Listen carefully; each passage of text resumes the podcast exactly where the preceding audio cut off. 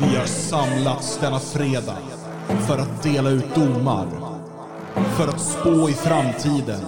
För att berätta sanningar. Alla fria svenskar är kallade till detta ting. Vårt fredagsting.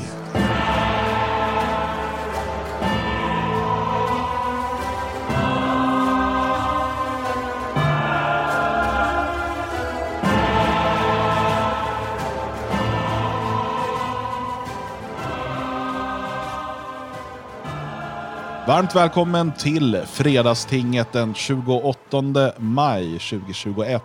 Det är säsongens sista fredagsting så vi ska se till att göra det bästa utav det. Och vi som ska göra det, det är jag Dan Eriksson, det är Magnus Söderman och det är Björn Björkqvist. Eh, Björn, vad hade du tänkt att tala om här idag?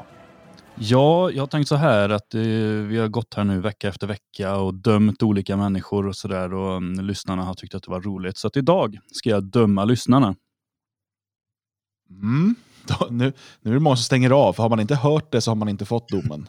Eller nej, det var tvärtom. Jag lärde mig att om man inte svarar på domen, då har man godkänt den. Eh, det lärde jag mig av någon på YouTube som har en, en sån här um, Eh, telegramtribunal. Ja, eh, det är en helt annan fråga. Ehm, själv så ska jag prata om det här med eh, Salgrenska, om terrorn och om maktstrukturer. Men först så lämnar vi över tingsplatsen till Magnus Söderman. Ja, tackar och bockar. Eh, och jag vill i den andan som råder med krig och oro i Mellanöstern och de stora diskussioner som har varit kring det och det faktum att jag avskyr mobbning eh, och dylikt. Jag vill prata om och ge er en eh, liten historielektion om det judiska folket. Jag tycker att det är på sin plats och alla de oförrätter detta nomadfolk har råkat ut för.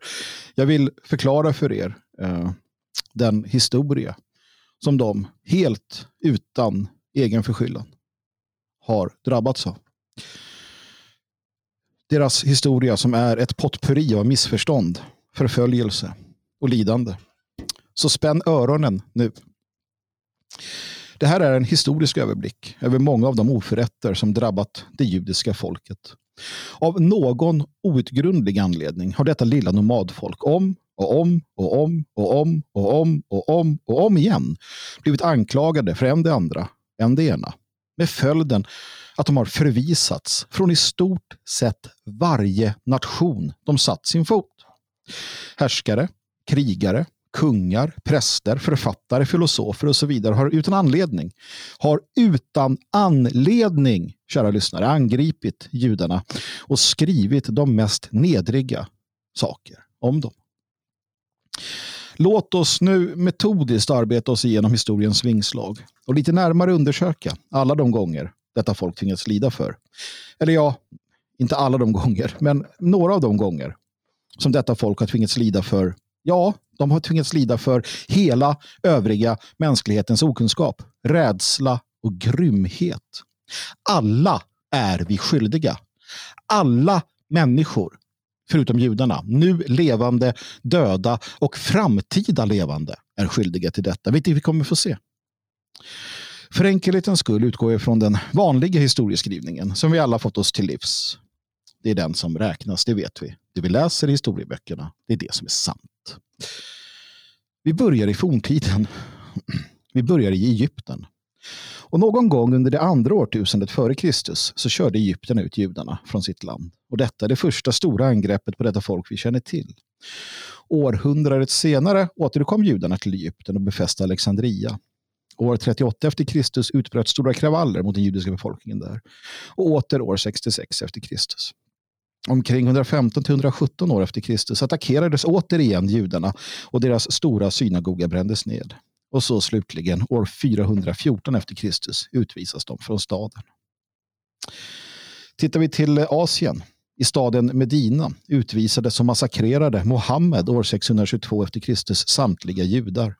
Till en början hade han varit vänligt inställd mot dem, men av någon anledning, okunskap, rädsla, vad det än månde vara, så ändrade han sig och eh, gjorde dessa eh, övergrepp. I en annan stad, eh, Seleucia, Eh, som låg vid Tigrisfloden, eh, dit judarna då flyttade efter förstörelsen av två andra städer, eh, etablerade sig där istället. Men år 40 efter Kristus så anställdes en massaker på dem där. Låt oss gå till det bysantinska kejsardömet. Justianus, han var kejsare mellan 527 till 565. Han anammade en, en grundligt antijudisk politik och förbjöd dem att inneha någon som helst form av ansvarsposition i samhället. En politik som vidmakthölls under århundradena. Tilläggas kan att det bysantinska kejsardömet överlevde det romerska riket med tusen år. Vi går till Rom. Det äldsta fortfarande existerande judiska samhället etablerades i Rom med en nedtecknad historia som sträcker sig tillbaka till år 139 f.Kr. Den eh, romerska statsmannen Cicero ansåg judarna vara ett fientligt element och angrep dem frekvent i sina tal i senaten. Kejsare Tiberius förvisade judarna från Rom år 19 efter Kristus, men de återvände snart. År 49, eller 50 f.Kr. förvisade kejsar Claudius ett stort antal judar därifrån. År 116 beordrade kejsar Trajanus en massaker på judarna i Mesopotamien eftersom de ansågs ställa till med uppror och oroligheter. Med jämna mellanrum utbröt det folkliga uppror mot judarna i Rom, men någon politik likt Justianus fastslogs aldrig där. Låt oss gå till det medeltida Europa. I kölvattnet av Roms utvidgning följde judarna efter in i Europa, där de slog sig ner på olika platser. Av någon anledning kom judarna att ogillas av Europas befolkning och härskare. Återigen handlade det om hat, ett nedärvt hat mot judar av någon anledning. Det handlade om okunskap, rädsla naturligtvis eh, och, och kanske avundsjuka. Åter kom de att utsättas för fruktansvärda förbrytelser. Utrymme finns inte här för en fullständig utläggning, men vi ska behandla ett antal olika europeiska nationers reaktioner mot judarnas närvaro. Österrike. Mellan eh, 1300-talet till 1600-talet anklagades judar frekvent i denna nation. År 1420 anklagades judarna för ritualmord, vilket ledde till att de brändes, förvisades och eller tvångsdöptes. Men detta fick de inte att försvinna, så år 1670 förvisades de åter och då av Margareta Teresa. I Salzburg angreps och massakrerades de judiska samhällena år 1349 och år 1404. År 1498 utvisades de av ärkebiskopen. I Tyrolen anklagades judarna för att ha förgiftat brunnar och även för ritualmord. Konsekvensen av detta blev ett försök att utrota de judiska samhällena i Trent, Rinn och Linz.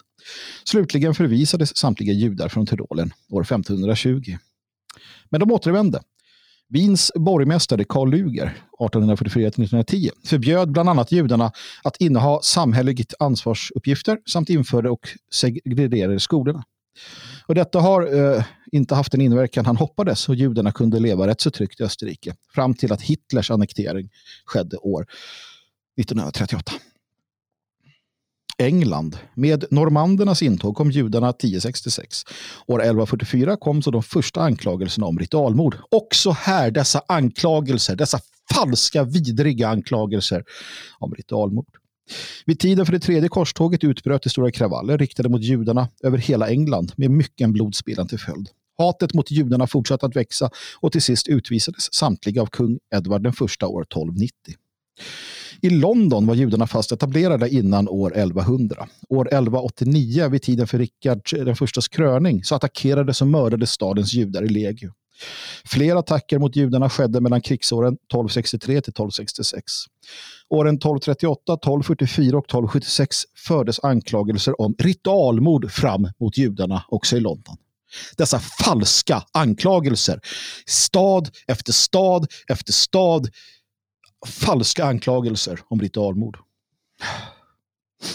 Tack och lov för judarna fann de en vän i Oliver Cromwell som år 1655 öppnade Englands portar för dem. Och sedan dess har de kunnat leva något sånär tryggt i landet. Även om de vidriga antisemitiska anklagelserna med jämna mellanrum dyker upp. Frankrike. Efter det första korståget år 1096 skedde frekventa attacker mot judarna i Frankrike. I Blois anklagades judar för ritualmord och 31 judar hängdes för detta. Vid tiden för det fjärde korståget 1235-1236 massakrerades judar i Bretagne och sedermera förvisades de kvarvarande därifrån år 1391. I staden Karskon utvisades judarna tillfälligtvis år 1253 och sedan åter år 1306 och igen år 1394. Efter anklagelser om ritualmord i Dauphin-provinsen utvisades de därifrån år 1253, men de återvände år 1289. Efter år 1305 utgick ett antal förvisningsorder mot judarna i Gascon-provinsen och slutligen år 1394 kom en order om att alla judar skulle bort. År 1306 förvisades alla judar från Frankrike. Men det är inte sagt att alla försvann. Tyskland. Konflikterna mellan tyskarna och judarna har varit många och bara ett fåtal kan omnämnas här. Tyskland var länge, till skillnad från Frankrike och Spanien, fragmenterat och någon nationell enighet i åtgärder mot judarna var inte möjlig. Denna nationella fragmentering gjorde det relativt lätt för judarna att byta områden när de blev attackerade. År 1090 började. Korsfararna dödar alla judar i renlandet. Men det var bara början. Under tiden för den svarta döden, 13 48 till 1349 anklagades judar för att ha förgiftat brunnar genom att kasta ner pestsmittade lik i dem. Under denna tid genomfördes 350 attacker mot judar, 60 större och 150 mindre judiska samhällen förintades och flera städer försökte desperat bannlysa judarna, men de återvände varje gång. I Breslau utrotades det judiska samhället år 1349. År 1453 anklagades judar för skändning och 41, 41 judar dödades medan resten förvisades. Åren 1265, 1281 och 1287 förföljdes judar i Koblenz och år 1337 attackerades judar i Armleder. De judiska samfunden utraderades genom massakrer år 1349 men hade återetablerat sig 1356. År 1418 förvisades de från Trier-provinsen. I Dresden finns det nedtecknat om judisk närvaro från 1375 och år 1448 kastades de ut därifrån efter anklagelser om falskmynteri och förräderi. År 1438 utvisades alla judar från Düsseldorf men de var tillbaka på 1500-talet. Trots antijudiska attacker i Erfurt år 1221 eh, fortsatte det judiska samhället att expandera till den stora massakern år 1349. De återvände år 1357 och kastades ut igen år 1458. Det judiska samhället i Frankfurt am Main utrotades år 1241, återetablerade sig senare och utrotades åter år 1349. Attacker mot judar ägde rum i Frankfurt år 1614, vilket ledde till en temporär förvisning och kriget år 1796 möjliggjorde försörjandet av den stora del judegettot eh, som fanns i staden. I staden Halberstadt körde man ut judarna år 1493, vilka sedan återvände och åter kördes bort år 1549. I Leipzig utrotades judarna år 1349, men andra kom i dess ställe. I staden Mainz förvisades de så tidigt som 1096, trots biskopens beskydd. Även där dödades många judar år 1349, men några blev kvar. Order om förvisning utfärdades år 1438, 1462, 1470 och 1471. I Nürnberg, där judarna varit etablerade sedan 1100-talet, blev deras samhälle krossat i och med Rheinfleischmassakern år 1298, då minst 728 judar dödades. Under den stora massakern 1349 dödades minst 562 judar och resten förvisades. Men de kom tillbaka och år 1499 förvisades de igen. I staden Rothenburg förintades det judiska samhället år 1298. Där återuppbyggdes och krossades det igen år 1349. Judarna återvände och massakrerades år 1397. De återvände år 1402 och drevs ut igen år 1520. Liknande skeenden utspelade sig på många platser i Tyskland. Icke att förglömma när det gäller tyskarnas krig mot judarna är nazisternas utrotande av sex miljoner judar i dödsläger medelst giftgas eller genom horribla experiment. Där nådde det tyska judehatet sin kulmen och man till och med gjorde tvålar och lampskärmar av judar. Eller hur det nu var. Uh, har man ändrat sig på den punkten minns jag inte. Alltså grymheterna är så många att det är svårt att komma ihåg alla detaljer. Enligt britterna utrotade tyskarna också 6 miljoner judar under första världskriget, vilket avslöjades i pressen, vilket sedermera togs tillbaka efter krigsslutet och man erkände att den gången hade det bara varit krigspropaganda. Men i alla fall, vi vet inte hur många judar tyskarna har på sitt samvete. Polen.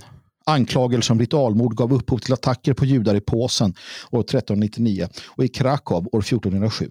Judarna drevs ut ur Warszawa år 1438 och ur Krakow år 1491.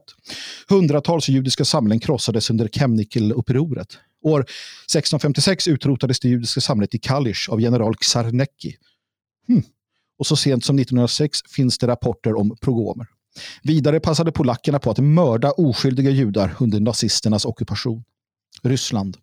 År 1563 dränktes 300 judar vid Poltorsk och Vitläsk. År 1648 ledde en viss Bogdan Chemnik, hetman för kosackerna, ett uppror mot judiska och polska markägare. Resultatet var, enligt en judisk källa, förintandet av 744 judiska samhällen och mord på hundratusentals judar. Då Ryssland annekterade Ukraina år 1667 förvisades alla judar från området. Förbud för judar att besöka ryska områden genomdrevs 1550 och 1678. Order om förvisning gavs åren 1727, 1738 och 1742. År 1753 fördrevs 35 000 judar från Ryssland. År 1762 tillät Katarina den store främling att bo i Ryssland, men judar var undantagna. Tsar Alexander förvisade 20 000 judar från provinsen Vitebesk och Mohilev år 1824. Tsar Alexander II försökte assimilera judarna men mördades år 1881. Anklagelserna för mordet riktades mot judiska revolutionärer och ryssarna svarade med pogromer. Man ansåg judarna som subversiva element som skulle hållas skilda från den övriga befolkningen och genomdrev i detta syfte de så kallade majlagarna. År 1891 fördrevs alla judar från Moskva. Spanien i Granada år 1066, då muslimerna fortfarande hade makten, fördrevs judarna därifrån. Det judiska samhället återuppbyggdes men krossades åter vid invasionen 1148. Samma sak hände i Cordova året innan. I den kristna delen av Spanien sköljdes en, sköljde en våg av attacker mot judar under 1391, speciellt i Granada, Cordova, Segovia och Seville. Många judar konverterade till kristendomen men förblev judar i hemlighet. Under ledning av Ferdinand och Isabel skapades inkvisationen för att finna rätt på alla konverterade judar. År 1492 befallde Ferdinand och Isabella att samtliga judar skulle bort från Spanien innan den 1 augusti det året och man genomförde det resolut. Under de nästkommande 300 åren var den judiska närvaron minimal. Sverige. Först 1775 tilläts judar att bosätta sig i Sverige utan att avsäga sig sin religion. År 1782 ändrades reglerna så att judarna fick behålla sin religion, men dock tilläts de bara att bosätta sig i Stockholm, Göteborg eller Norrköping. Man förbjöd även blandäktenskap samt för judar att arbeta inom något område som lydde under skrå. Allt detta reglerades av judereglementet. Inte förrän 1870 blev judarna likställda med svenskarna i lagens ögon. Ett övergrepp utan dess like. I augusti 1838 utbröt pogromer i Stockholm. Det uppretade svenskar angrep judiska hem och butiker eftersom man bland annat inte ville acceptera ett upphävande av judereglementet, vilket diskuterades. Militär sattes in för att lugna de upprörda, men bara några månader senare brakade det loss igen. År 1848 var det dags åter då antijudiska grupper attackerade judiska bostäder, ockuperade affärer ägda av judar samt angrep personer som stödde judarna. År 1852 lyckades en stor samling antijudiska demonstranter bryta igenom polisens skydd av synagogan i Stockholm, vilken överöstes med stenar. Svenskens skuld mot hatet mot judarna är djup och mörk. Norge Aidsvåldförfattningen kallas Norges grundlag och den antogs den 16 maj år 1814. Fram till och med år 1851 hade man nedtecknat i denna att judar inte fick komma in i landet. Detta förbud togs dock bort, antagligen när norrmännen insåg att judarna faktiskt är helt harmlösa, att judarna bara vill väl, att judarna bara har gott i hjärtat. Naturligtvis finns det fler exempel på den hetska antisemitismen som världens befolkning visat uttryck för och det jag gått igenom är bara ett litet axplock. Falska anklagelser riktas mot juden i största allmänhet. Som vi kunnat se har judar kollektivt fått skulden för en uppsjö av hemskheter. De har anklagats för ocker i och med utlåning samt skapandet av räntesystemet. Detta bara för att judarnas heliga Talmud vid några tillfällen råkar klargöra att judar får ta ränta av icke-judar. Man har anklagat och domstolar anfrätt av antisemitism och lögn har dömt judar för förgiftande av brunnar och ritualmord. De har anklagats för att ha anstiftat den franska revolutionen genom frimureriet och det bara för att juden Adam Weishaupt grundade, grundade som sedermera infiltrerade frimureriet. Judarna anklagas för att ha anstiftat den kommunistiska revolutionen. Bara för att en majoritet av de ledande revolutionärerna var judar. Och för att Karl Marx och Friedrich Engels, vilka skapade ideologin, var judar.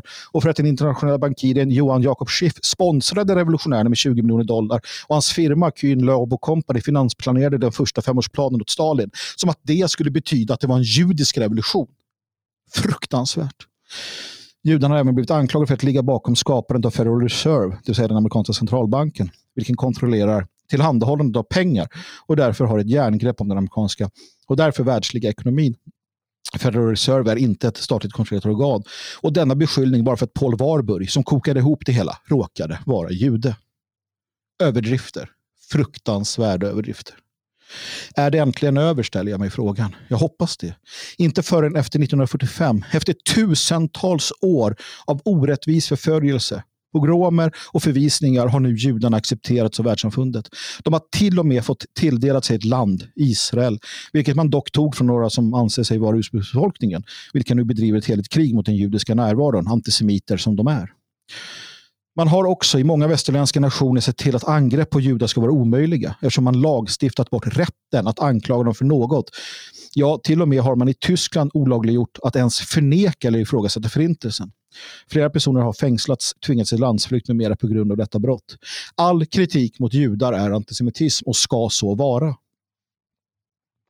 För att vara på den säkra sidan ser dock judarna till att genom egna organisationer som Anti-Defamation League i USA bevaka och kartlägga det fåtal personer som finns kvar, vilka inte ger med sig, utan fortsätter att anklaga judarna för diverse saker. Dessa antisemiter måste man hålla koll på.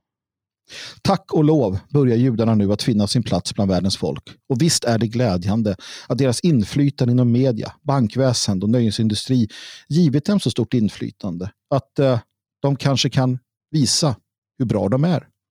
Nu kanske inga fler misstag, likt de som miljontals människor begått under årtusendena, kunna upprepas. Alla dessa påståenden om att judar låg bakom den ryska revolutionen bara för att så många judar råkade anamma kommunismen som politisk ideologi. Eller den franska revolutionen kanske snart kommer att upphöra. Kanske alla dessa lösryckta citat ur judarnas heliga skrifter som att det skulle vara acceptabelt att lura icke-judar, att döda icke-judar, att förgripa sig på icke-judiska barn och så vidare. Att de en gång för alla kommer försvinna, förpassas till skräphögen. Låt judarna ha sina heliga böcker för sig själva. Det är ingenting för oss gojim att läsa och bry sig om. Det är glädjande att se att vi på 69 år har lyckats vända från att se judarna som en fara till att se dem som en tillgång. Att man inte gjort det tidigare, det är sannerligen ett mysterium. En skam för hela mänskligheten. Tack så mycket. Tack eh, Magnus för denna historiegenomgång och eh, jag sitter här med en, med en klump i halsen. Mm. Eh, magsmärtor. Mm. Jag eh, skäms över att vi inte har förstått det vackra och härliga som detta nomadfolk har kunnat erbjuda oss. Eh, och att vi, tänk vad långt fram vi hade varit i utvecklingen om vi bara hade låtit dem hållas till en början. Mm. Stort tack för det Magnus. nu Ja. vill du lägga, tillägga något Björn? Eh, jag känner mig bakbunden. Gör jag. Nej, det är klart jag inte vill tillägga något. Eh, det var viktigt. Det var viktigt. Eh, en tankeställare för Mm. oss alla. Ja, men alltså, så många, så länge. År efter år, årtusende efter årtusende. Nation efter nation efter nation. Ja. Alla, alla, alltid har gett sig på de här helt utan anledning. Nu kan vi gå in i en ny värld.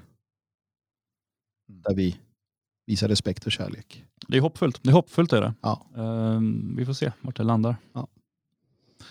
Och med hoppet så lämnar vi över tingsplatsen till Björn Björkqvist. Tack. Nu är sommaren nära. I och med eh, det här programmet så avslutas ju eh, den här Svegot-säsongen och det vankas eh, frihet för oss alla som sitter fast i poddbojorna. Yrvaket kommer vi gnugga oss i ögonen och undra vad vi nu ska hitta på. Jag eh, fattar ju att vi har skapat ett beroende med eh, alla många fenomenala program som vi har sänt ut. Lite grann eh, kommer vi dämpa abstinensen eh, när vi sänder ett program i veckan. Men ett av syftena med det här uppehållet är ju att eh, såväl vi som ni lyssnare ska kunna göra någonting annat. För ehm, det är sommar. Hallå? Det är sommar nu. Jag vill därför ägna det här programmet, detta säsongens sista ting, åt lite samhällsnyttig information. Ett eh, anslagstavlan för Svegot-lyssnare. Till skillnad från SVTs anslagstavlan så kommer jag dock inte prata lockande om sprutor mot vare sig corona eller fästingbett. Eller eh, tala om vad ni kan göra om ni får obehagliga symptom av vaccineringarna. Det är inte mitt uppdrag.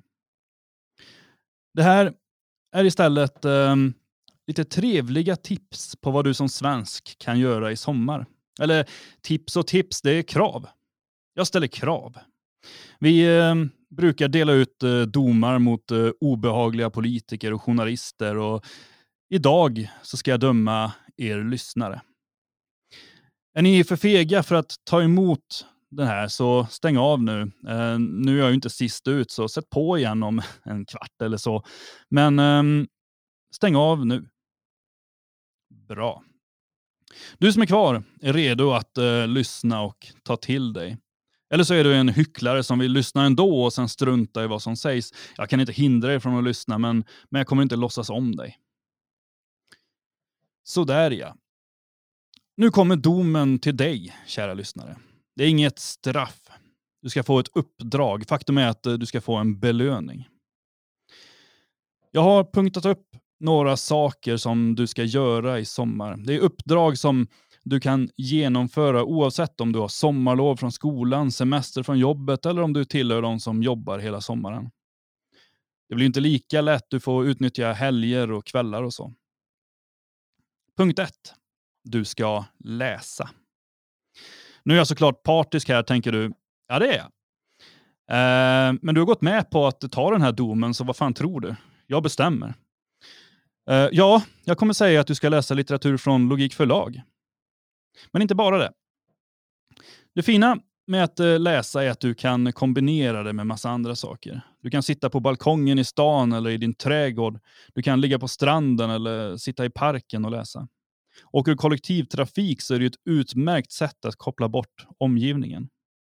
Ta med dig en liten behändig bok och eh, plocka upp och läs den varje gång du spontant känner att du egentligen vill plocka upp mobilen och läsa meningslösa statusar på sociala medier.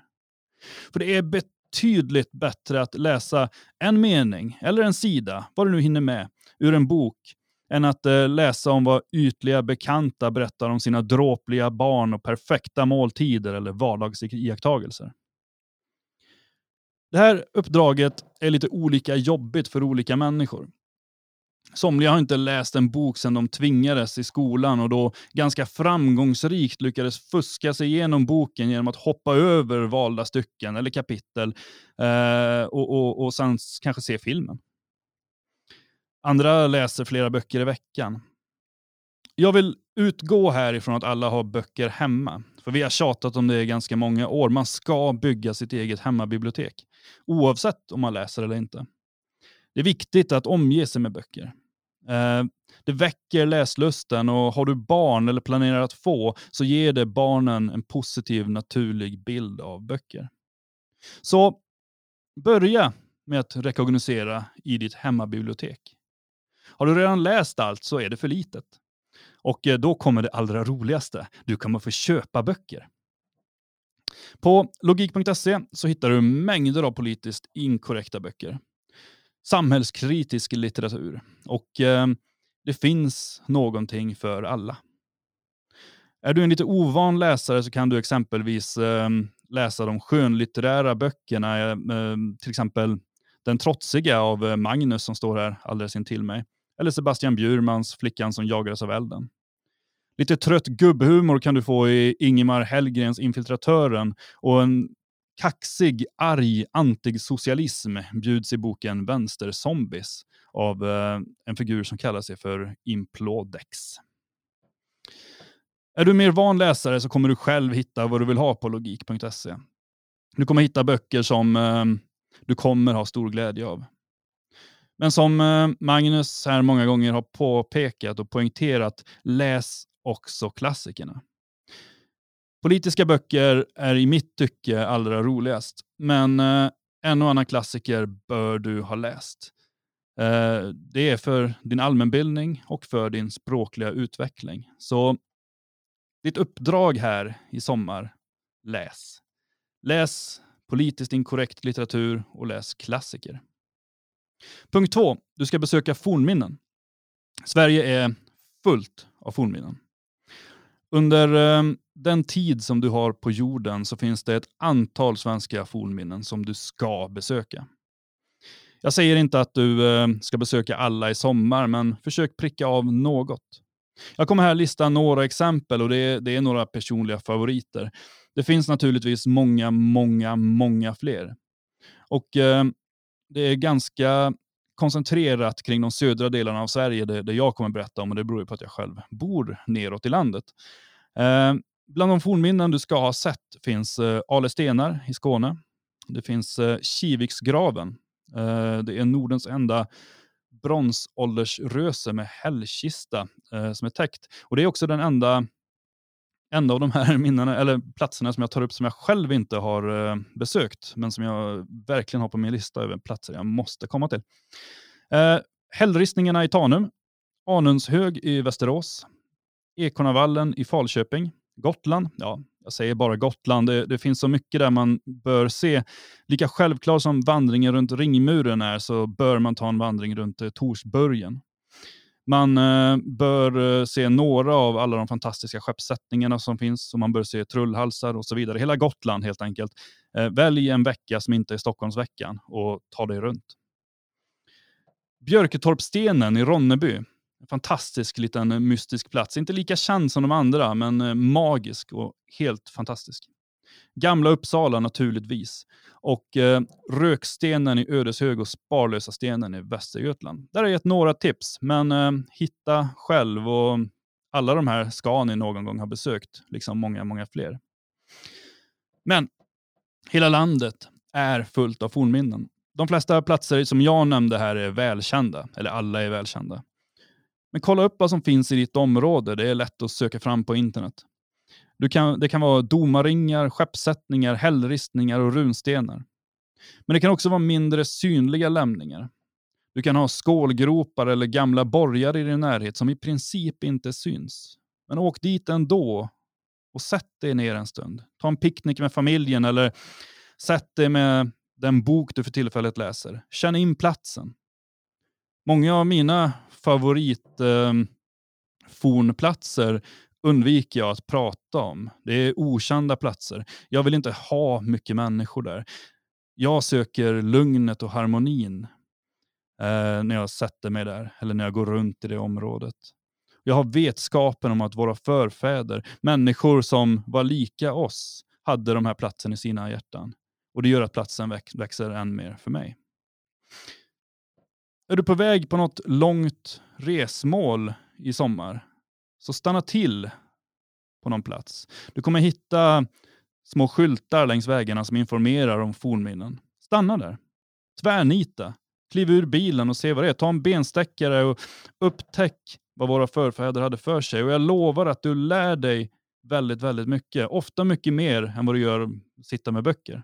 När du står på platsen och ser den. Punkt tre. Du ska också besöka naturen. Ta dig ut i skogen, inte nödvändigtvis eh, för att söka fornminnen, men det kan vara en bra anledning. Men du kan också ge dig ut för att plocka svamp eller bär, eller bara promenera. Motion är ju inte att förkasta och istället för att gå en mil på rullbandet på gymmet så gå en sväng i skogen. Hela landet är fullt av vandringsleder. Du kan ha dem nära där du bor. Garanterat har du det. Jag var ute och promenerade lite grann för förra veckan och av en slump så bara sprang jag på en vandringsled som jag inte kände till. En kvarts promenad hemifrån dök den upp. Eh, de finns överallt. Och har du tröttnat på de här vandringslederna som andra har huggt hukt upp åt dig, så gå bara ut på måfå. Det finns stigar överallt. Ingen i Sverige har långt till skogen. Om du så bor mitt i centrala Stockholm så kan du med kollektivtrafik eller bil vara ute i skogen inom en timme. Skogen ger dig lugn och harmoni. Skogen ger dig frisk luft och motion. Har du ögonen öppna kan du också hitta mycket konstiga grejer i naturen. Saker som man börjar fundera på, för människor lämnar spår efter sig. Och Det kan vara nog så fantasieggande. För en tid sedan så var jag ute och promenerade och såg någonting som fascinerade mig. En, en nyckel som någon hade tappat bort. Nästa person har kommit och hittat den och hängt den på en gren så att eh, den ursprungliga tapparen skulle kunna hitta den. Men, men han kom aldrig tillbaka så nyckeln hade vuxit fast i trädet. Vad hade hänt? Var gick nyckeln? Ingen aning. Det fanns mycket att fundera på. Sådana här saker ser man överallt i skogarna om man bara går omkring. Små spår efter människor som har varit där tidigare. 4. Lyssna på gamla poddar. Det här uppdraget eh, ger dig möjlighet att stilla din poddabstinens. På svegot.se så finns mängder av gamla poddavsnitt. Passa på att eh, lyssna på poddar som du inte har hört förut. Hitta nya favoriter och plötsligt finns det mängder av avsnitt att lyssna på. Jag vill själv slå ett slag för podden På gamla och nya stigar. Har du inte lyssnat på den så gör det. Jalle Horn, ofta tillsammans med Robin Holmgren, men ibland med andra och ibland ensam, hjälper dig att vidga din allmänbildning. De tar upp eh, spridda ämnen inom kultursfären. Saker man inte hade en aning om blir man plötsligt väldigt, väldigt intresserad av.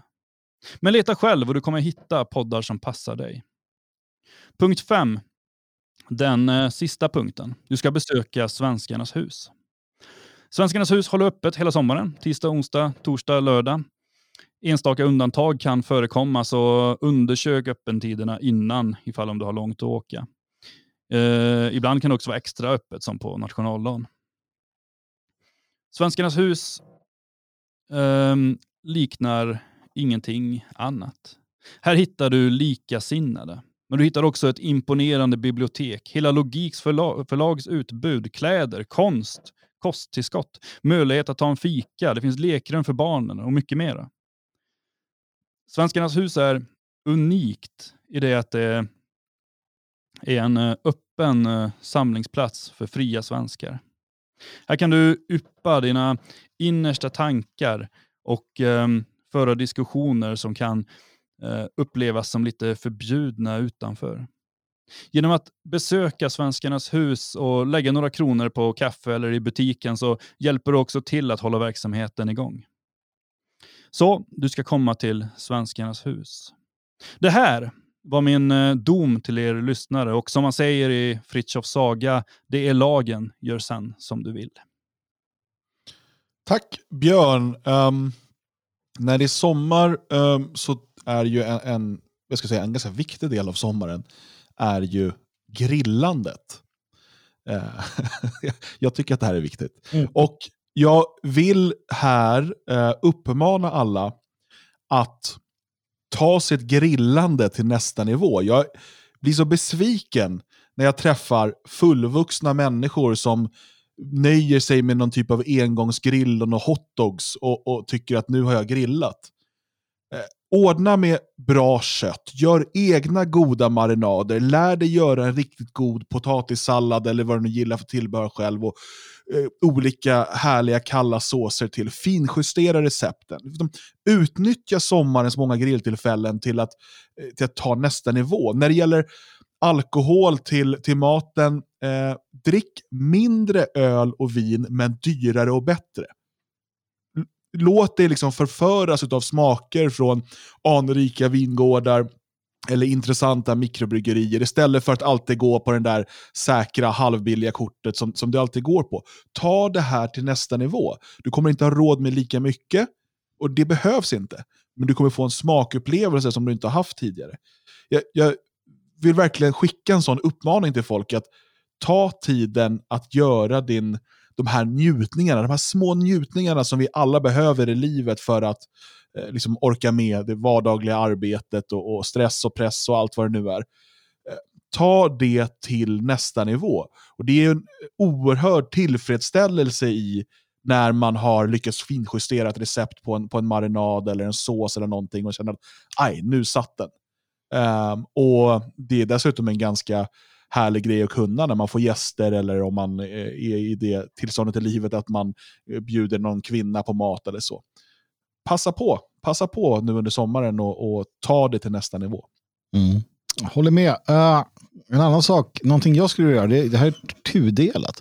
Det ena som jag skulle vilja göra som inte jag har gjort ännu, det är att jag vill ha, eller då hyra, en husbil. Uh, och sen åka runt med den och göra allt det här hälsa på vänner, upptäcka saker, ha grillfest och så vidare. Man tar bilen, så här, så här, husbilen med sig, stannar någonstans, du vet, man åker till, till Anundshögen och så bara stannar man där på någon parkering så bara, äh, nu sover jag här en natt. Eller så. Uh, det, det, det, är något jag vill göra, men det är brist på det. Jag har inte planerat in det. Det var vansinnigt dyrt att hyra, hyra husbilar också såg jag. Det om det är någon där ute som har en husbil de inte tänker använda, hör av er. Just till sommaren. Just till sommaren också, ja. Precis. Ja, jag kanske hyr en av dig. Nej, men det är en sak som jag vill göra. För att du vet, upp och ner i Sverige och bara sådär. Det andra är uh, roadtrips. Roadtrips. Ta bilen din. Om den, om den är en sån som du gillar och funkar. Om det är en sån som jag har, som man kanske inte kan lita på. Hyr en bil. Hyr en schysst bil. Hyr någon snabb jävla bil. Hyr någon cool bil. Hyr en stor bil. Hyr en bil som du inte kommer ha råd med någonsin. Så tar du den och så drar du runt. Ta en vecka eller två eller vad det kan finnas tid för. Och bara åker runt, stannar på någon mack, eh, ser vad som händer, åker in på en väg, åker runt. Eh, själv eller med, med, med dem du tycker om. Det kan vara lite svårt med barn, speciellt små barn. Även större barn kan tycka det är vansinnigt jobbigt att sitta och åka bil länge. Uh, men det är sånt som jag uppskattar i alla fall. Så det, det skulle jag, och där, där är också samma där, man kan stanna hos vänner eller ja, bara ta in på något uh, vandrarhem eller sådär. Uh, så använda, istället för att använda benen sina så använder man eh, bilen sin. Och då kan man ju också fjällvandra med den, upp och hitta några schyssta utsiktspunkter, sitta där, ta, dricka en kaffe, ta en bild och vidare. Jag gillar att uppleva naturen, helst från bilen. ja. Stort eh, tack eh, Björn. Eh, nu tänker jag passa på att ta plats här vid tinget. Kära tingsdeltagare. Ni är ju alla konsumenter av så kallad alternativmedia, så om ni inte sovit under en sten senaste veckan så har ni nog inte heller missat utvecklingen kring Salgrenska universitetssjukhuset i Göteborg. Exakt 24 har avslöjat att terrorledaren Tor Alsen arbetar där och Salgrenska har gjort allt de kan för att skydda honom.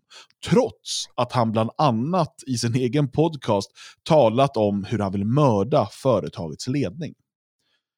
Nyheten om Alsen och Salgrenska har spridits i sociala medier och bland annat delats av profiler inom Sverigedemokraterna och Moderaterna.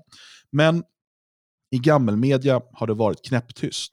Fram tills nu. Sent på torsdagskvällen publicerade nämligen Dagens Nyheter en artikel. Men inte om vandaliseringen av politiska motståndares hem och egendom. Inte om det pågående polisärendet mot Tor Alsen och inte om de många hot om våld, mord och terror som uttrycks i poddar och sociala medier från Tor och kretsen kring honom. Nej, istället är det första som gammelmedia publicerar i ärendet en artikel där Salgrenska är offret. Det är en allvarlig påverkanskampanj som pågår mot Salgrenska universitetssjukhusets förvaltning.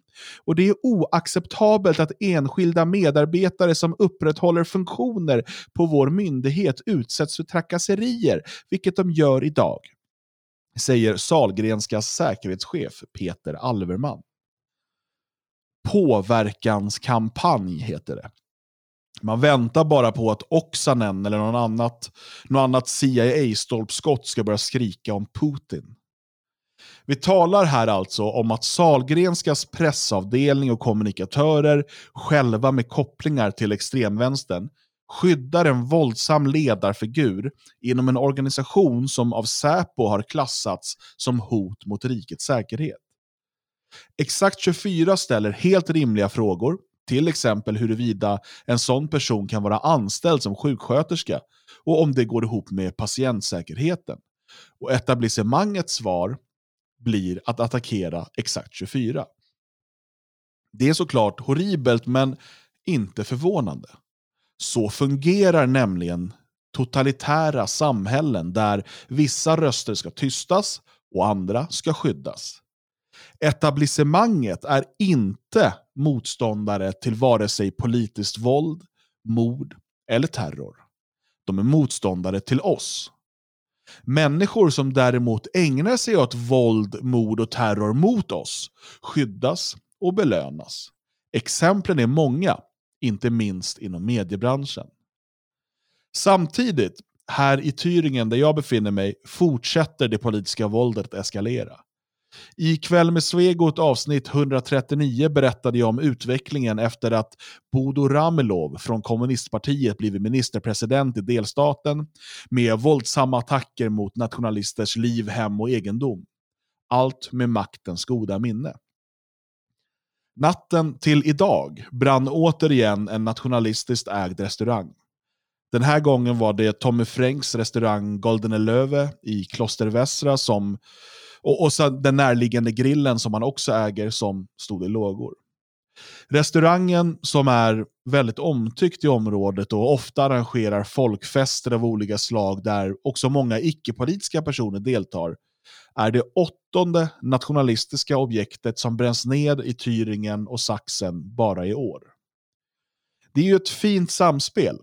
Kommunisterna i parlamentet inför utegångsförbud och näringsförbud för att skydda oss mot ett osynligt virus och då passar kommunisterna i gatutrupperna på att bränna ned verksamheter ägda av den politiska oppositionen. Kommunisterna i rättsväsendet tittar snabbt på ärendet och lägger sedan ner det. Jag läser om det här brandattentatet i min regionala tidning Ostthüringer Zeitung. I slutet av artikeln finns en läs mer-sektion, så man ska kunna få en större förståelse för vad som har hänt. Där finns bara en artikel länkad och den har titeln Frågor och svar. Så formerar sig högerextremister i sociala medier. Parallellerna till det som händer i Sverige är många. Och den som inte ser mönstret är antingen dum eller blind eller en oskön kombination av båda.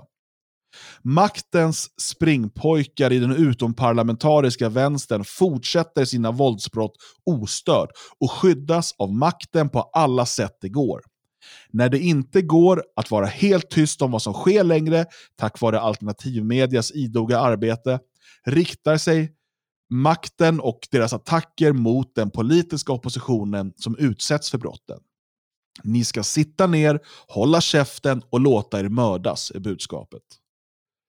Vi minns mycket väl när Niklas Svensson arbetat med en kartläggning av våldsvänstern för tidningen Expressen, men stoppades av redaktören då kopplingen mellan våldsverken och redaktionen var alldeles för starka. Några år efter det här så hade Expressen däremot inga problem att göra hembesök hos vanliga svenskar som skrivit oppositionella texter i kommentarsfält. Efter att kommentarsystemet hackats av researchgruppen, tidigare AFA Doku, som fortfarande leddes av svenska AFAs grundare Mattias Våg. AFA och extremvänstern fyller den roll som måste finnas i alla totalitära samhällen. Dels verkar de som en falsk opposition och kan därmed suga åt sig unga frustrerade människor som märker att något inte står rätt till. Och dels fungerar de som gatutrupper som med våld och hot tystar, skrämmer och i yttersta fall mördar den verkliga oppositionen. Det är den här förståelsen vi måste ha med oss när vi läser något från gammelmedia.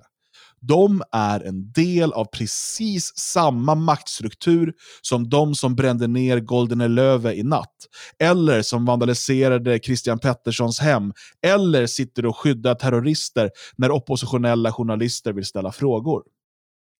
Här vid tinget vill jag därför diskutera hur nationalister bör förhålla sig till media, myndigheter och organisationer tillhörande denna maktstruktur och hur vi når ut till fler svenskar med den livsnödvändiga informationen om det totalitära samhällets många tentakler.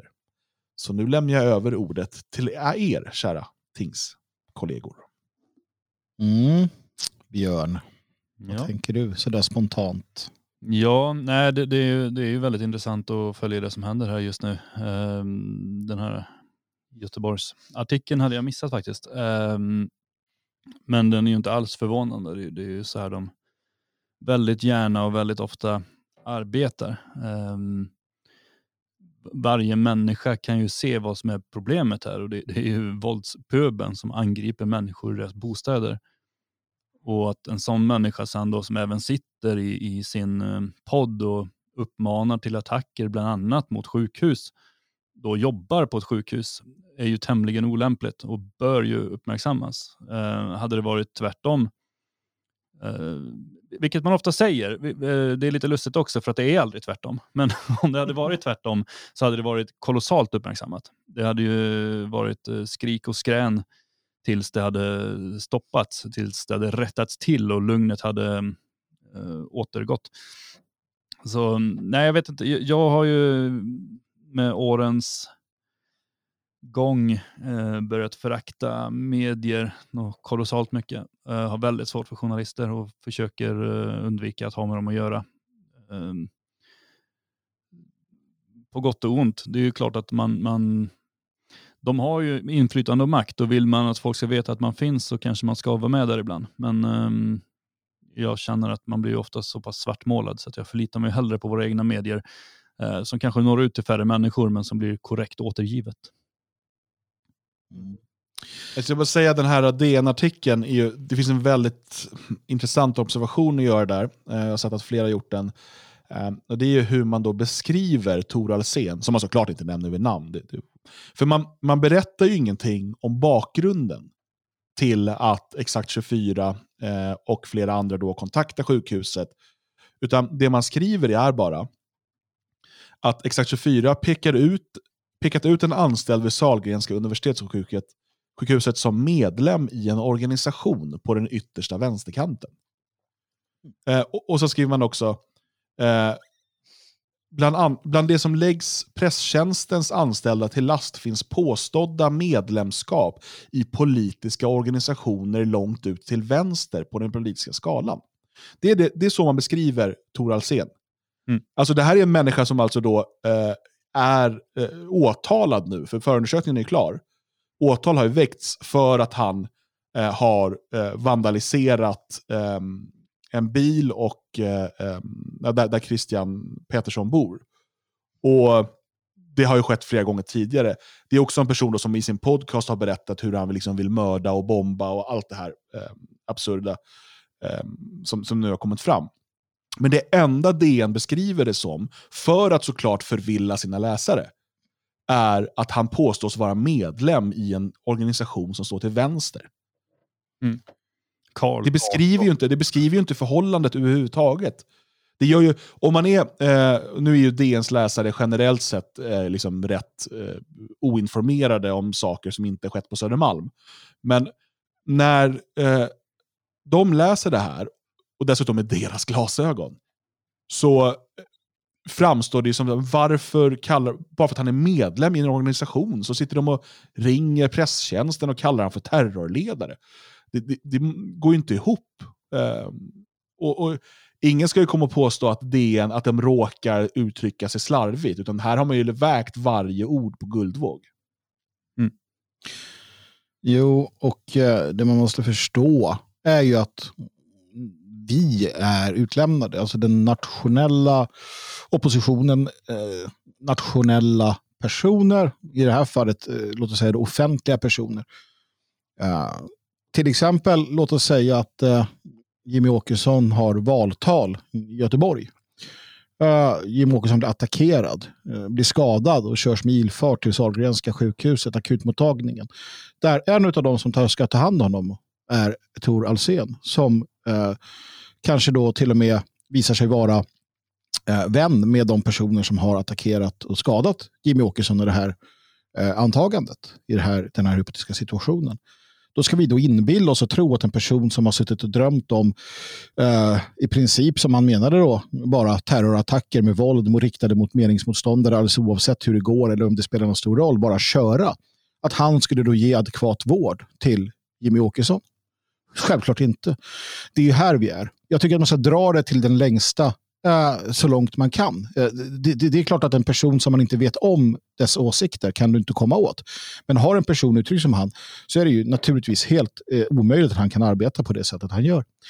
Men inte i Sverige, inte idag. För att media, polis, Säpo verkar det som, sjukhusledningen, chefer som han vill skjuta och mörda. Han vill, han vill ju spränga och döda sina chefer på Sahlgrenska. De beskyddar honom just nu. Och det är så situationen ser ut av, av olika skäl. Skitsamma ärligt talat vilka skäl. Vi är utlämnade. Polisen är AB Sveriges eh, gäng. Massmedia är deras propagandaorgan. Eh, de har inte minsta lilla tanke på hederlighet eller sanninghet eller någonting, utan vi står för oss själva och här är vi. Du pratade om hur vi ska nå ut, hur vi ska gå vidare. Ja, en sån sak är att eh, alla gör det de kan. Alla försöker att sprida, hjälpa till att dela, eh, höja sina röster. En annan sak i sammanhanget är att vi kanske också måste acceptera det faktum att alla kan inte vara, alla ska inte vara eh, så att säga megafoner för vår sak. Gör som så istället. Ge ditt stöd till till exempel oss som med namn och bild offentligt tar striden för Sverige och svenskarna medan du själv kan ha en tillvaro där du inte hotas eller drabbas. Jag menar inte att man ska gömma sig, men jag menar att man ska vara klok och man ska vara smart. En, en rörelse behöver ett fåtal propagandister, ett fåtal informatörer. Man behöver inte att var och en eh, är offentlig, utan arbeta mycket, mycket, mycket med just ja, påverkanskampanjer. Var en del av våra påverkanskampanjer. Jag håller med Exakt 24 eh, chefen som, som sa det till DN att det är en påverkanskampanj. Självklart är det det. Det är det vi pysslar med. Mm. Ja, det är också intressant för att um, det är på Twitter, nu hittar jag inte det nu, men jag såg att någon tidigare letade fram då en, en chef på Sahlgrenska som för ett år sedan uh, förklarade att man, in, alltså, man kan inte skilja på liksom, arbete och privatliv. Den som har uttryckt sig rasistiskt i sociala medier kan aldrig vara anställd på Sahlgrenska. Mm. Och, så det där ska man ha med sig också, att man, man har varit tydlig med att liksom, du får inte ha ens den typen av åsikter. Det hade ju varit så himla lätt för Sahlgrenska när man ringer och säger att uh, nej, det här är oacceptabelt och vi ska genast liksom, kolla på det. Det är allt man behöver säga. Man behöver inte gå in på detaljer om huruvida någon får sparken nu. Och så här, vi kommer utreda det här internt. Uh, men det är klart att det är oacceptabelt att uppmana till uh, mord och våld och sådär. Alltså, det, det är inget svårt. Men de tycker ju inte det. det, är det. Nej, precis. och det är, det, det är därför Nej, och, och det är här man måste också se det i det här sammanhanget. Och det är därför jag gör den här jämförelsen med, med det som sker i Thüringen och hur media, här, media måste skriva om att nu brann det här igen. Liksom, det, det står. Det är liksom det. Mm. Men det enda, när man ska få mer information, det är att lära sig om hur högerextremister organiserar sig i sociala medier. Mm. För att no, alltså, då säger man ju, inte ens mellan raderna, utan ganska uttryckligen att liksom, problemet här är ju nationalisterna. Mm. Um, och sen att, att deras hem och deras eh, liksom, företag brinner upp, det är ju bara en konsekvens av att de är onda. Mm. Nej, men det blir ju som du sa eh, väldigt tydligt när sjukhuset inte går ut och tar avstånd, ja, avstånd från en, en personal eller no, någon som tycker så här rent principiellt. Det gör man inte. Man, man säger inte att principen på Sahlgrenska sjukhuset är att du inte kan uh, uppmana till våld och terror och mord. Det kan du inte göra och jobba här. Det, det mm. säger man inte. Och det, det får mig att tro att den här uh, röda ruttenheten går väldigt högt upp i leden. Det kanske är så att sjukhuset är genominfiltrerat. Att cheferna håller med. Att cheferna själva är eh, av den åsikten att våld och terror är eh, saker man kan pyssla med. Jag vet inte, men vi vet ju, vilket Exakt 24 tog upp, att redan på 70-talet så konstaterade Säkerhetspolisen att Sahlgrenska universitetssjukhuset var infiltrerat av eh, extremvänstern. Det kanske har mm. fortsatt. Därför måste ju de ta itu med det här. Och det är fan ta mig hopplöst att inte ens då de här eh, borgerliga opinionsbildarna som nu ska ge ut sina nyhetsbrev och tidningar och, och, och tjäna pengar på Sverigevännerna kan nämna detta. Man tar inte upp det. Vart är riksdagsinterpellationerna? Eh, Vart är frågorna mot ansvarig socialminister? I, i, eh, i, eh, i, i riksdagen. Varför håller de käften? Det är ju det också. Uh, vilket är problematiskt, för det lämnar oss andra hängande. Vi får göra vad vi kan. Va? Mm. Men det finns kraft som inte används. SD har ett jätteansvar med flera. Idag så träffas ju Sahlgrenska styrelse. Um, och ordför, alltså de har ju en politisk styrelse. Um, det är mm. politiker som... som ja. Och um, jag vet att uh, Moderaten och Sverigedemokraten uh, i den här styrelsen ska ta upp det här. Vi får se vad det här leder till. Eh, ordförande är ju då Gustav Josefsson, moderat, eh, i mm. Sahlgrens styrelse. Men en annan sak, där, för det är inte bara det huruvida man kan få adekvat vård när man kommer in. Det är ju också det att patientsäkerheten, Mm. alltså med, med för i, eh, många gånger så har folk hur de här upp- uppgifterna kunna komma typ i AFAs händer? Mm. Eh, men om du jobbar en person som, som är så uttalad, alltså, som vill mörda och bomba och allt vad det nu är, eh, som Tor Alsén, med tillgång till patientuppgifter. Mm. Så säger, alltså det, det är ju en väldigt farlig situation. Jag vet, I Danmark så eh, var det ju uppgifter som kom ut om nationalister och folk förstod inte var det kom ifrån. Tills man kom på att en ledande person inom våldsvänstern arbetade på eh, motsvarande typ Televerket. Mm. Och hade tillgång till alla uppgifter därifrån och satt och matade ut det. Eh, så att man kunde, i, I Danmark är det inte lika offentligt var man bor och så. Mm. Eh, men så att adresser på ledande nationalister kom ut, även de med liksom skyddad identitet och liknande. Mm. Eh, och det är ju samma sak här. Tor Alsén har tillgång till eh, patientuppgifter. Jag är inte helt säker på hur de systemen fungerar, eh, men det känns ju inte som en speciellt bra sak att en, en, liksom, en, alltså en själv, han, han säger ju själv att han är, han använder inte begreppet terrorist, men det han vill genomföra är de facto terrorism. Ja, men Och sen, han har tillgång till de här uppgifterna. ja, och sen ser du kopplingarna då i presstjänsten där du har idel kommunister och, och vänsterextremister som tydligen också har kopplingar om man tittar i alla fall då offentliga kopplingar till, till sådana som eh, Expo och Lehmann och vilka de gillar. Ja, den privata underrättelsetjänsten Expo. Mm. Eh, och, och politiker, vänsterpolitiker etc. Jag menar, r- den rötan är större än vi tror i Sverige. Och, och det är en annan sak. Du, du pratar om hur det ser ut i, i uh, Thüringen med, med uh, sambanden. Skillnaden mot Sverige är att vi inte har gjort de här undersökningarna. Uh, vi, vi, vi har inte tittat på djupet på sambanden mellan Socialdemokraterna, Vänsterpartiet, Antifanten och när vi väl har gjort det, när vi har hittat någonting, då finns det ju de kopplingarna i Sverige också. Jag vet sedan många år tillbaka så fanns det en koppling mellan polisen i Dalarna och AFA. Eh, vilket vi fick reda på att man, det fanns en polisman som, som helt sonika underrättade AFA om, om vad de skulle göra. Vi har sett den typen av, av samarbeten i andra länder. Eh, den stora skillnaden är att vi inte har de samarbetena.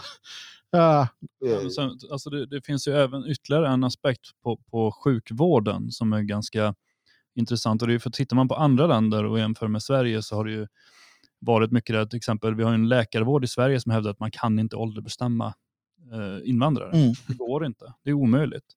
Eh, vi, hade en eh, läkarkår, Henry Ascher i Göteborg till exempel, men flera andra som höll på och drev på det med apatiska flyktingbarn. Mm. Det här är på riktigt. Kolla här. Kolla här vad som händer om vi inte låter dem stanna. Det, det är ett ständigt eh, alltså, aktivistarbete bland, i läkarkåren och bland, bland de sjukhusanställda. Mm. Vilket är mm, ja, väldigt, väldigt tydligt om man tittar på det. För att det är ju bara i Sverige man inte kan ålderbestämma barn till exempel, Mm. eller vuxna. Mm. Det går i alla andra länder, det går överallt. Man kan, alltså, arkeologer kan ålderbestämma en 70 000 år gammal träbit, Mm. men det går inte att ålderbestämma en människa i Sverige. I Danmark går det, Mm. i Tyskland går det, i alla andra länder går det, men i Sverige går det inte. Och det är ju för att det är de här människorna som sitter här och, och klappar varandra på ryggen. Här har vi att göra med en våldsperson, det är ju extra allvarligt, men, men hela kåren, alltså hela, hela, hela det här äh, skrået är ju genomruttet. Mm. Men det här är också intressant. Jag, jag läste bara snabbt. Jag har absolut inte satt mig in i det. Jag vet inte hur, hur det fungerar med legitimationer och utbildning i Sverige. Jag kan ingenting om det. Men det fanns en, en, en, äh, ett varningsord som handlade om hur eh, myndighets-Sverige eller själva, själva alltså andan i sosse-Sverige eh, också hade spridit sig till sjukvården. Idéerna om att i princip vem som helst kan vara en läkare så länge du bara har lathundar nog. Så länge du bara har eh, eh, liksom formalia att fylla i. Har patienten ont i huvudet, ja eller nej? Vid ja, gå vidare hit och så vidare. Att det finns en idé om 10 000 timmar. Det finns en idé om att alla klarar av allting bara det finns en statlig myndighet som i grund och botten ger dig alla redskapen. Och att det, menar den här personen, återigen, jag, jag djupläste inte detta, att det har påverkat på olika sätt och vis utbildningen och, och hur man arbetar. Att man arbetar på svensk sjukvård väldigt mycket enligt de här metoderna. Eh, vilket i sådana fall, om det stämmer, till sist också kan leda fram till att aktivister eh, utan tvekan kan komma in utan några större problem och kunna, eh, få på, kunna göra påverkan. Så att, så att eh, någonting är ju, är ju ruttet, eh, utan tvekan. Mm. Ja, det var allt från Fredagstinget för den här säsongen. Nu går ju Radio Svegot in i en sommarsäsong och eh, vi tre eh, kommer dyka upp då och då, bland annat i programmet um, Sommar med Svegot som kommer ha lite blandad uppsättning. Jag är dock rätt säker på att det första avsnittet, där, där är det vi tre. Mm. Men det kommer pågå här under, under sommaren fram tills månadsskiftet augusti-september då vi drar igång vår höstsäsong. Exakt hur den kommer se ut, exakt vilka program som kommer komma och vilka dagar kommer presenteras under augusti månad. Om du vill se fortsatta satsningar ifrån Radio Svegot så behöver du bli stödprenumerant eller lämna en donation. Det gör du inne på svegot.se. Det är bara så som vi kan fortsätta den här mycket eh, den här omfattande eh, satsningen som Radio Svegot faktiskt är. Så vi får väl passa på och önska dels en trevlig helg men också en trevlig sommar. Ta med er tipsen här från oss alla och eh, så syns vi snart i Svenskarnas hus. Tack för den här säsongen.